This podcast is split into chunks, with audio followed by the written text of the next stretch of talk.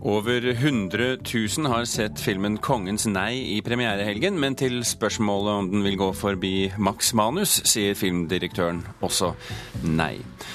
Gode tall for TV-serien Skam i Danmark også. 70 000 i uken der, til tross for at dansk ungdom knapt skjønner norsk. Og beste scenen å spille på i landet, påstår jazzmusikere. I kveld feirer Dokkhuset i Trondheim ti år med stor jubileumskonsert. Scener fra den kommende Kulturnytt-sendingen dette, hvor vi for øvrig også får besøk av dansekunstens gartner, Ingunn Rimestad.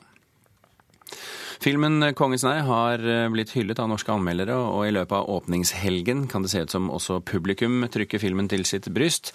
Men om filmen vil gå inn helt på toppen av besøksstatistikken, er direktøren i Film og Kino usikker på. Til tross for gode besøkstall som er registrert den første visningshelgen. Foreløpig er ikke alt summert opp, men, men, det ser veldig lovende ut. Det ser ut som det ender et sted mellom ja, 115 og 120 000. Så mange har altså sett filmen 'Kongens nei' i åpningshelgen.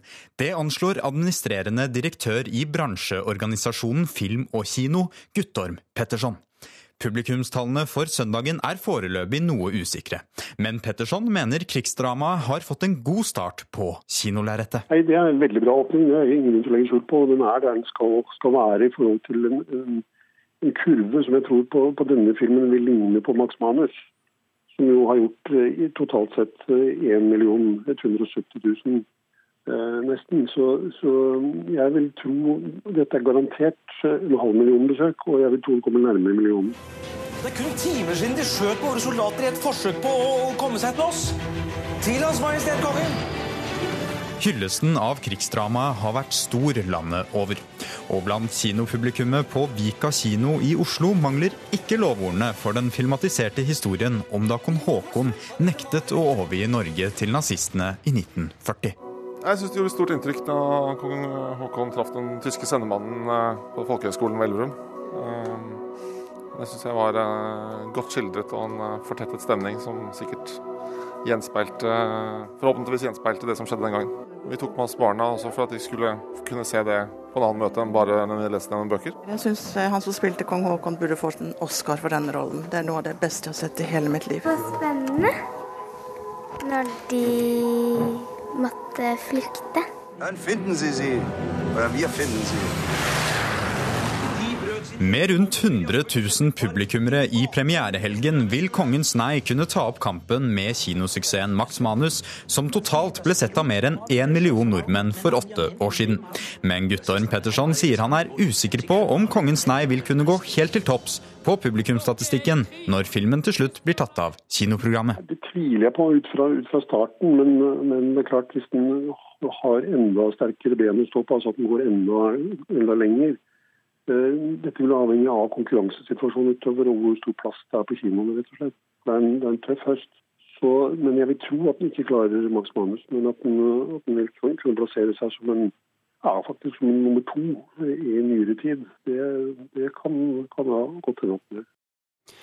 Det sa Guttorm Petterson, administrerende direktør i Film og Kino, til reporter Brage Berglund. Og tallene for hele helgen, søndag inkludert, det får vi klokken ti omtrent her eh, i NRK. Fredrik Seberg var 17 år gammel eh, gardist i aprildagene 1940. Nå er han en sprek 94-åring, og i helgen har han sett seg selv på kino i Kongens nei, bl.a. de dramatiske hendelsene på Midtskogen utenfor Elverum. Norge er i krig. Tyskerne har ett mål, og det er å ta kongen. Vår jobb blir å stoppe tyskerne. Er det forstått? Ja, forstått! Ild! Alt for kongen, Deres Majestet. Nei, Alt for Norge.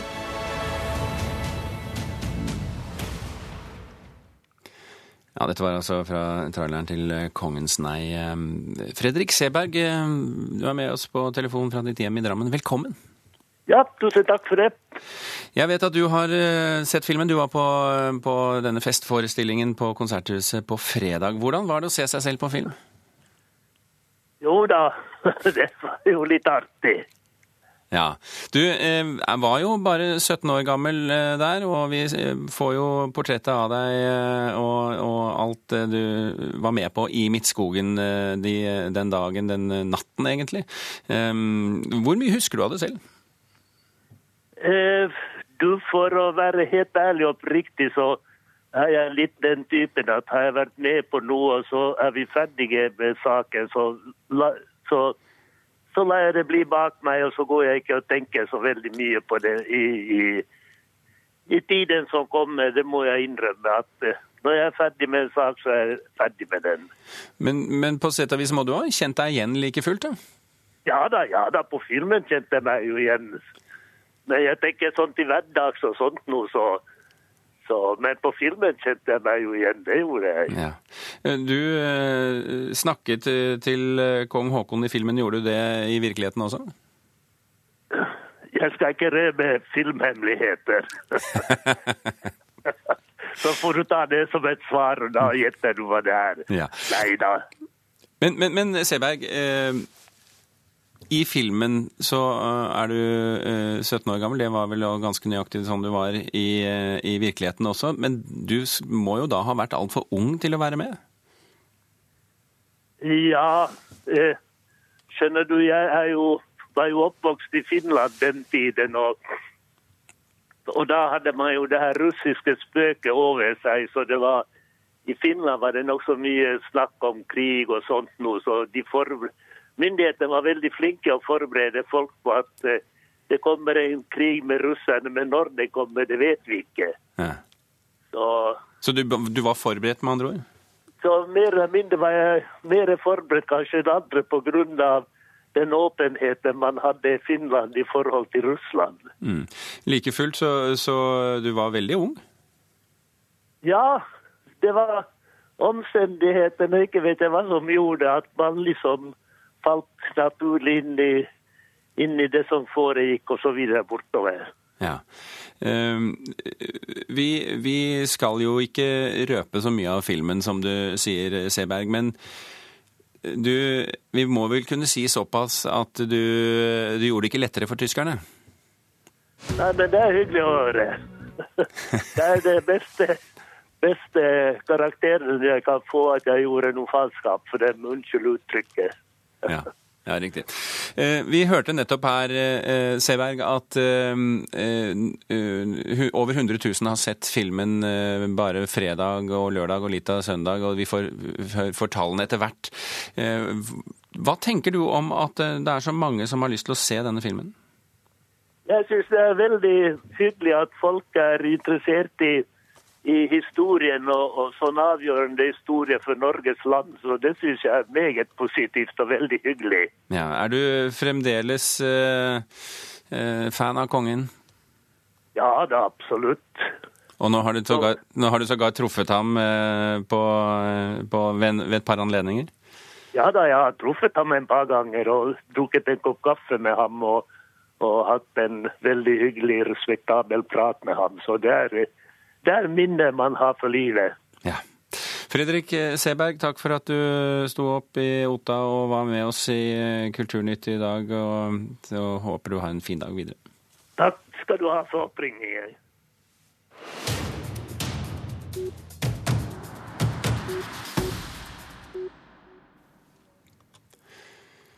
Vi skal videre i sendingen. Vi skal til Danmark, for i Danmark så har tallene for antall dansker som ser på TV-serien Skam, vokst kraftig.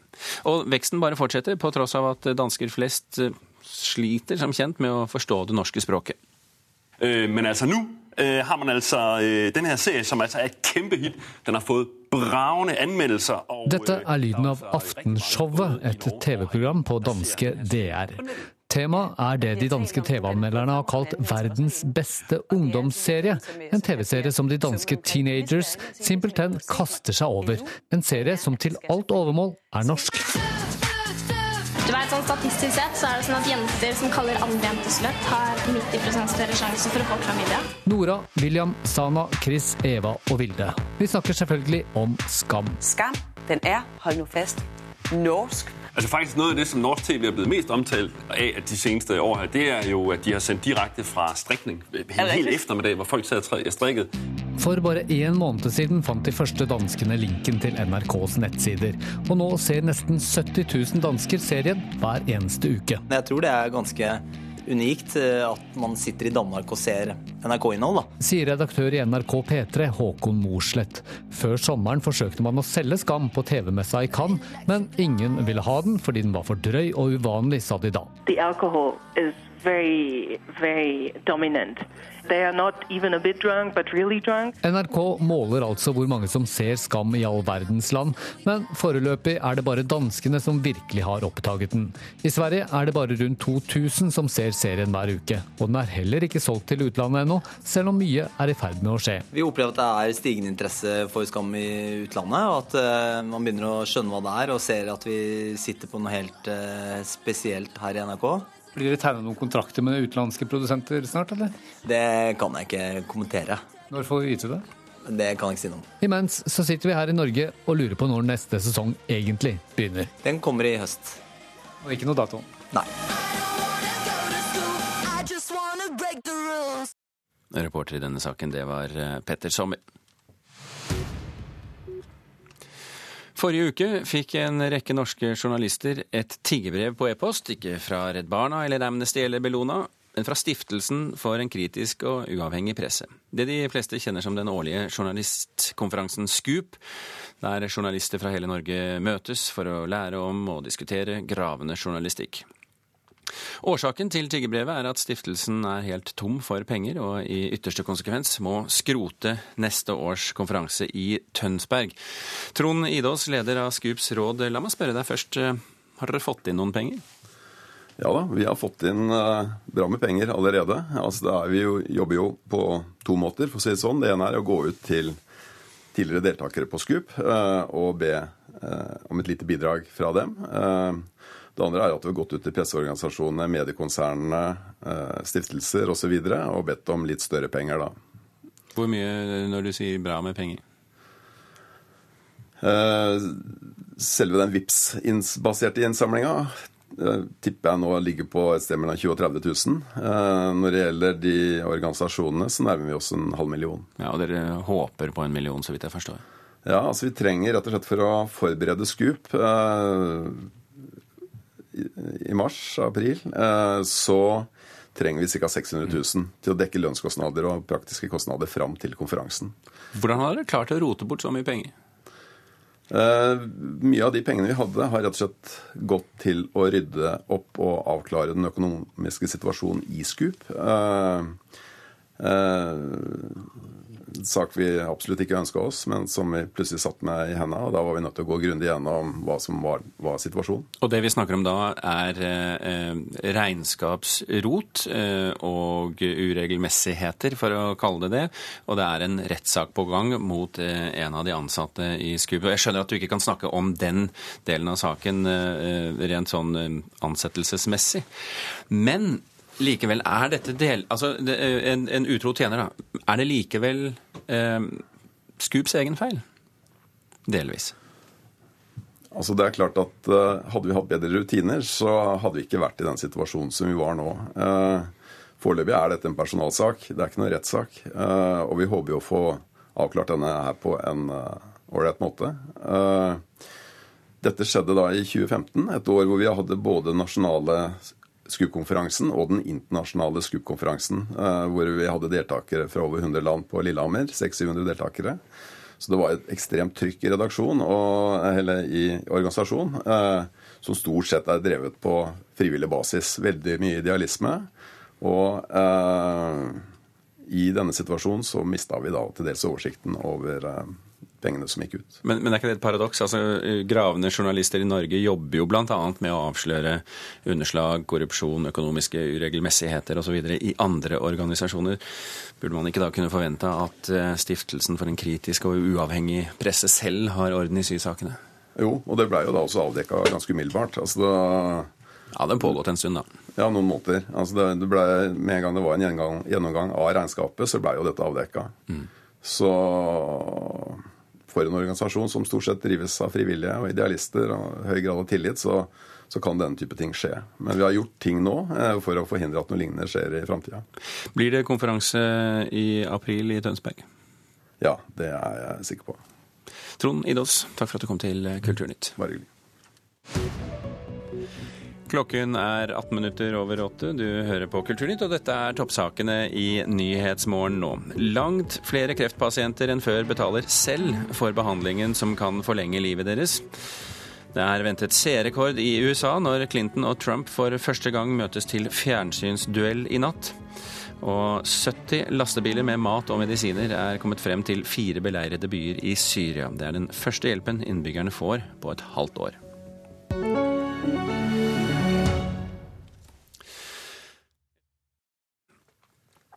Etter eh, to romaner om den såkalte Hillevåg-gjengen i Stavanger, er Torid Henberg klar med ny roman om noen helt andre denne gangen. 'Du er så lys', heter den romanen. Og Knut Hoem, apropos lys, eh, du omtaler den som et, en, en lysende helvetesreise. Hvilket helvete snakker vi om her? Det er lenge ute i det blå for eh, leseren. Vi vet at det skal skje en forbanna katastrofe, som det skrevet står, med familien til Jørgen og Vibeke. Og at denne katastrofen har noe med den nye naboen å gjøre, som plutselig kommer inn gjennom et hull i hekken. Eh, vi er i en bygd på Sør-Vestlandet, og der bor de da i sine eneboliger. Og så kommer det da inn en som åpenbart er i stand til å, i stand til å etse et hull inn i denne familien, som tross eh, at den er helt normal og har sine svakheter, fungerer ganske bra. Eh, hull i hekken og katastrofe på gang. Det høres ut som en sånn blanding av krim og barnebok? Nei, altså Det er lite barnebok over dette. Det er heller ingen krim. Eh, her er det ikke noe mysterium som etterforskes av politietterforskere. Det som er mer tydelig, er jo at Renberg har studert disse store realistiske forfatterne fra 1800-tallet som han har sverget troskap til tidligere. Tenker da på forfattere som Honoré de Balzac, Haldor Laksnes eller Selma Lagerlöf. Og av disse så har Renberg lært å skape romanfigurer som har noen veldig tydelige egenskaper. Her har vi f.eks. en familiefar som er litt svak og kanskje litt snill og litt konfliktsky. Du har en kone som er veldig bestemt og rektor på den lokale skolen. Du har en svigerfar som står deg litt for nær når han snakker til deg. Og når du til sammen så skaper Renberg denne gangen ikke bare en familie, som han jo har gjort helt eh, Han er jo veldig opptatt av familien, det har gått gjennom hele forfatterskapet, men mer også et lite norsk lokalsamfunn som vi lærer å bli glad i. Og da blir selvfølgelig også fallhøyden voldsomt, voldsomt høy, høy når det plutselig kommer en trussel som er varslet helt i begynnelsen, og som en spenning som utløses eh, et sted eh, mot slutten av romanen. Og da er i hvert fall jeg helt fullstendig knekt som leser. Jeg føler meg helt som jeg er blitt dratt gjennom et Karin Fossum-univers. Men, men, eh, apropos familien gjennom hele forfatterskapet, hvor plasserer du denne boken da i, i forfatterskapet hans? Det som er interessant nå, er jo at Renberg representerer et motstykke til den såkalte selvbiografiske strømningen i eh, norsk litteratur. Dette er jo pur fiksjon, selv om jeg har lest at han har vært inspirert av eh, levende mennesker. Eh, han skriver denne gangen om hvordan det norske lokalsamfunnet av i dag fungerer. hvordan Han skriver om depresjon. Han skriver om hvor vanskelig det er å se inn i et annet menneske. Sant? Man ser bare en overflate, man ser et ansikt, og, og, og, og, skriver at det finnes en vei der ute med ditt navn på, og den fører ut i den frigjørende vinden. Um, det, det, er, det er, denne gangen er det jo også på nynorsk. Det er jo for første gang at eh, Renberg skriver på nynorsk, og han skriver en fortelling som er kanskje blant de mest helstøpte jeg noen gang har sett at han har levert. Men hvis han først skriver på nynorsk, kunne han ikke vel så gjerne bare skrevet på stavangerdialekt? Det er jo nærmere, kanskje? Jo, men det er tydelige elementer av stavangerdialekt i eh, Renbergs eh, prosa. og det fungerer aldeles utmerket. Det fungerer litt som å høre Kaisers Orkestra spille. Det er å synge. Det er sjelden man tenker så veldig mye på at de faktisk har et ganske nynorsk språk. Det er mer et muntlig språk som eh, blir eh, tatt i bruk. Så her leser jeg eh, uten å være sånn spesielt intelligent. Dette liker du? Dette er blant Tore Renbergs beste romaner. Knut Hoem, takk for at du kom.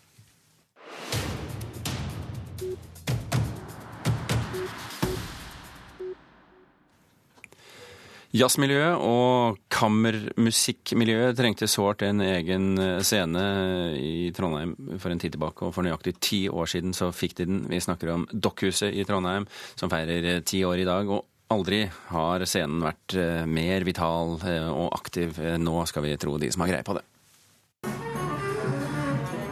rapportene fra jazzmusikerne, er jo at dette er en av de beste scenene i landet å spille på. Og er jo, den er jo ikke gigantisk, men eh, den er jo stor nok for de fleste formål, da. Det var prekært for jazzen for ti år siden. Var, vi, vi, hadde veldig dårlige forhold for å si det sånn, scenemessig. Så eh, det var en, en, lykke at vi fikk bli med inn i det, her, eh, som, i det kollektivet her. da. Og kollektivet fungerer utmerket fortsatt, ifølge daglig leder ved Midtnorsk Jazzsenter, Bjørn Willadsen. Sammen med Trondheim Kammermusikkfestival, Trondheim Jazzforum og Trondheimssolistene var de med og etablerte Dokkhuset scene for nøyaktig ti år siden. Så har vi en del sånne fellesprosjekter som går litt på tvers av sjangre. Eksempelvis nå jubileumskonserten med Trondheim Jazzorkester, Trondheim Voices og Trondheimssolistene. Det er jo første gangen alle de tre er sammen samtidig på samme scene. Nå øver de til jubileumskonserten i kveld, og hele uka vil Kammermusikkfestivalen sette preg på byen, sier Vegard Snøfugl, daglig leder i Trondheim Kammermusikkfestival. Det er en perle i byen, eh, det her dokkhuset, med et gammelt pumpehus. Og nå pumpes det kultur ute i byen. Åpningskonserten ble jo spesiell, for den husker jeg jo veldig godt. Det var en sånn lettelse når det åpna. Og den åpna jo under Kammermusikkfestivalen for ti år siden, så det er på akkurat samme dagen som det er jubileumskonsert 26.9. Forvandlingen av pumphuset for Tørrdokken ved gamle Trondheims Mekaniske Verksted til kulturhus har gleda mange disse ti årene. NTNU har mye av æren for det, sier daglig leder i Dokkhuset, Kristen Ramsøy Halle. Det er viktig å si at de har vært med fra starten av, i 2006.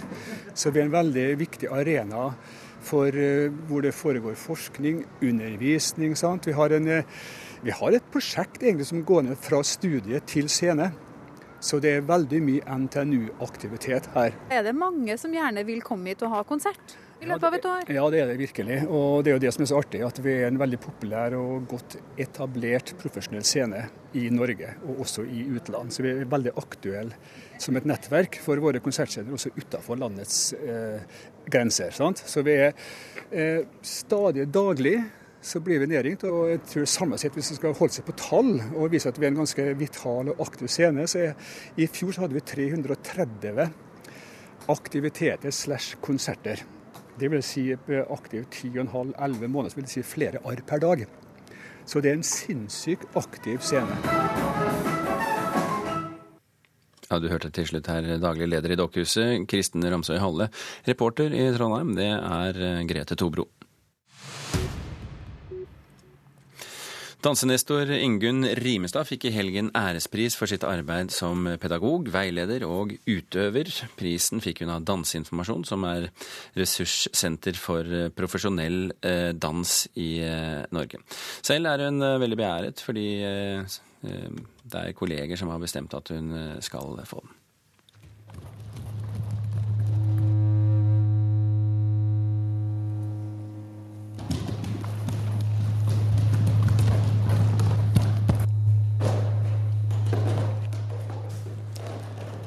Dans er jo alltid fascinerende på radio, det må jo innrømmes. Eh, lyden du hørte her, det var eh, løpende og dansende føtter i forestillingen A Song to av koreografen Mia Habib. Ingunn Rimestad, velkommen. Tusen takk. Du har altså fått eh, en stor pris i, i ditt miljø av fagfellene, så å si. Hva betyr det for deg? Det betyr jo en veldig stor anerkjennelse for et langt arbeid, men også for at jeg fremdeles er en aktiv person i miljøet. Mm. Ja. Du kalles eh, dansekunstens gartner. Hvorfor har du fått det tilnavnet? Eh, ja, det, det har vel med både den pedagogiske virksomheten og veiledningen og at jeg ja, det har noe med måten jeg jobber på. Mm. Og følger opp Prøver å følge opp liksom stadig nye unge dansekunstnere og være interessert i hva de holder på med. Du, er vel i en sånn situasjon eh, som mange er her i landet, at man jobber litt sånn i det stille og, er ikke den som synes mest og er mest fremme i avisa. Um, men når du får sånn oppmerksomhet som du fikk på lørdag, og du får såpass mye skryt, hvordan takler du det? Er du flink til å ta skryt? Eh, jeg er blitt litt bedre, men på lørdag så plukket jeg med meg en kastanje, sånn at jeg kunne sitte der mens jeg så på forestillingen til Carte Blanche, og så kunne jeg liksom kjenne på vekten av den kastanjen i hånda for å kunne være til stede i meg sjøl. Ja. ja. Så jeg ikke skulle bli for nervøs. Tynges, tynges ned. ja. Forskning eh, Rimestad, viser jo det at dans iverksetter hjerneaktivitet, det bedrer evnen til å huske, det skaper glede. Ehm, syns du det er litt rart at det ikke danses mer? Jeg syns det er synd at det ikke danses mer, og at dansen blir mer verdsatt i samfunnet. Ja. Hmm. Hva, men hva er viktigst, eh, tror du? Eh, dansing som kunst, eller dansing til husvasking på lørdag? Jeg tror begge deler er veldig viktig. Jeg håper å si jeg gjør begge deler. Og jeg har vokst opp med begge deler. Altså, er der vi er til stede bare i oss sjøl. Men så er det også det å være sammen i fellesskapet. Mm. Jeg tenker på dette her med å være enestående sammen. Mm. Som jeg liksom har sett så mye opp igjennom med studenter. Utvikle det enestående samtidig som vi samarbeider. Og der er dansen unik. Ingunn Rimstad, tusen hjertelig takk for at du var med i Kulturnytt i dag. Vi er i ferd med å sluttføre dette prosjektet, Kulturnytt mandag morgen. Tone Staude, Birger Kålsrud Aasund, takker for følget. Hør flere podkaster på nrk.no podkast.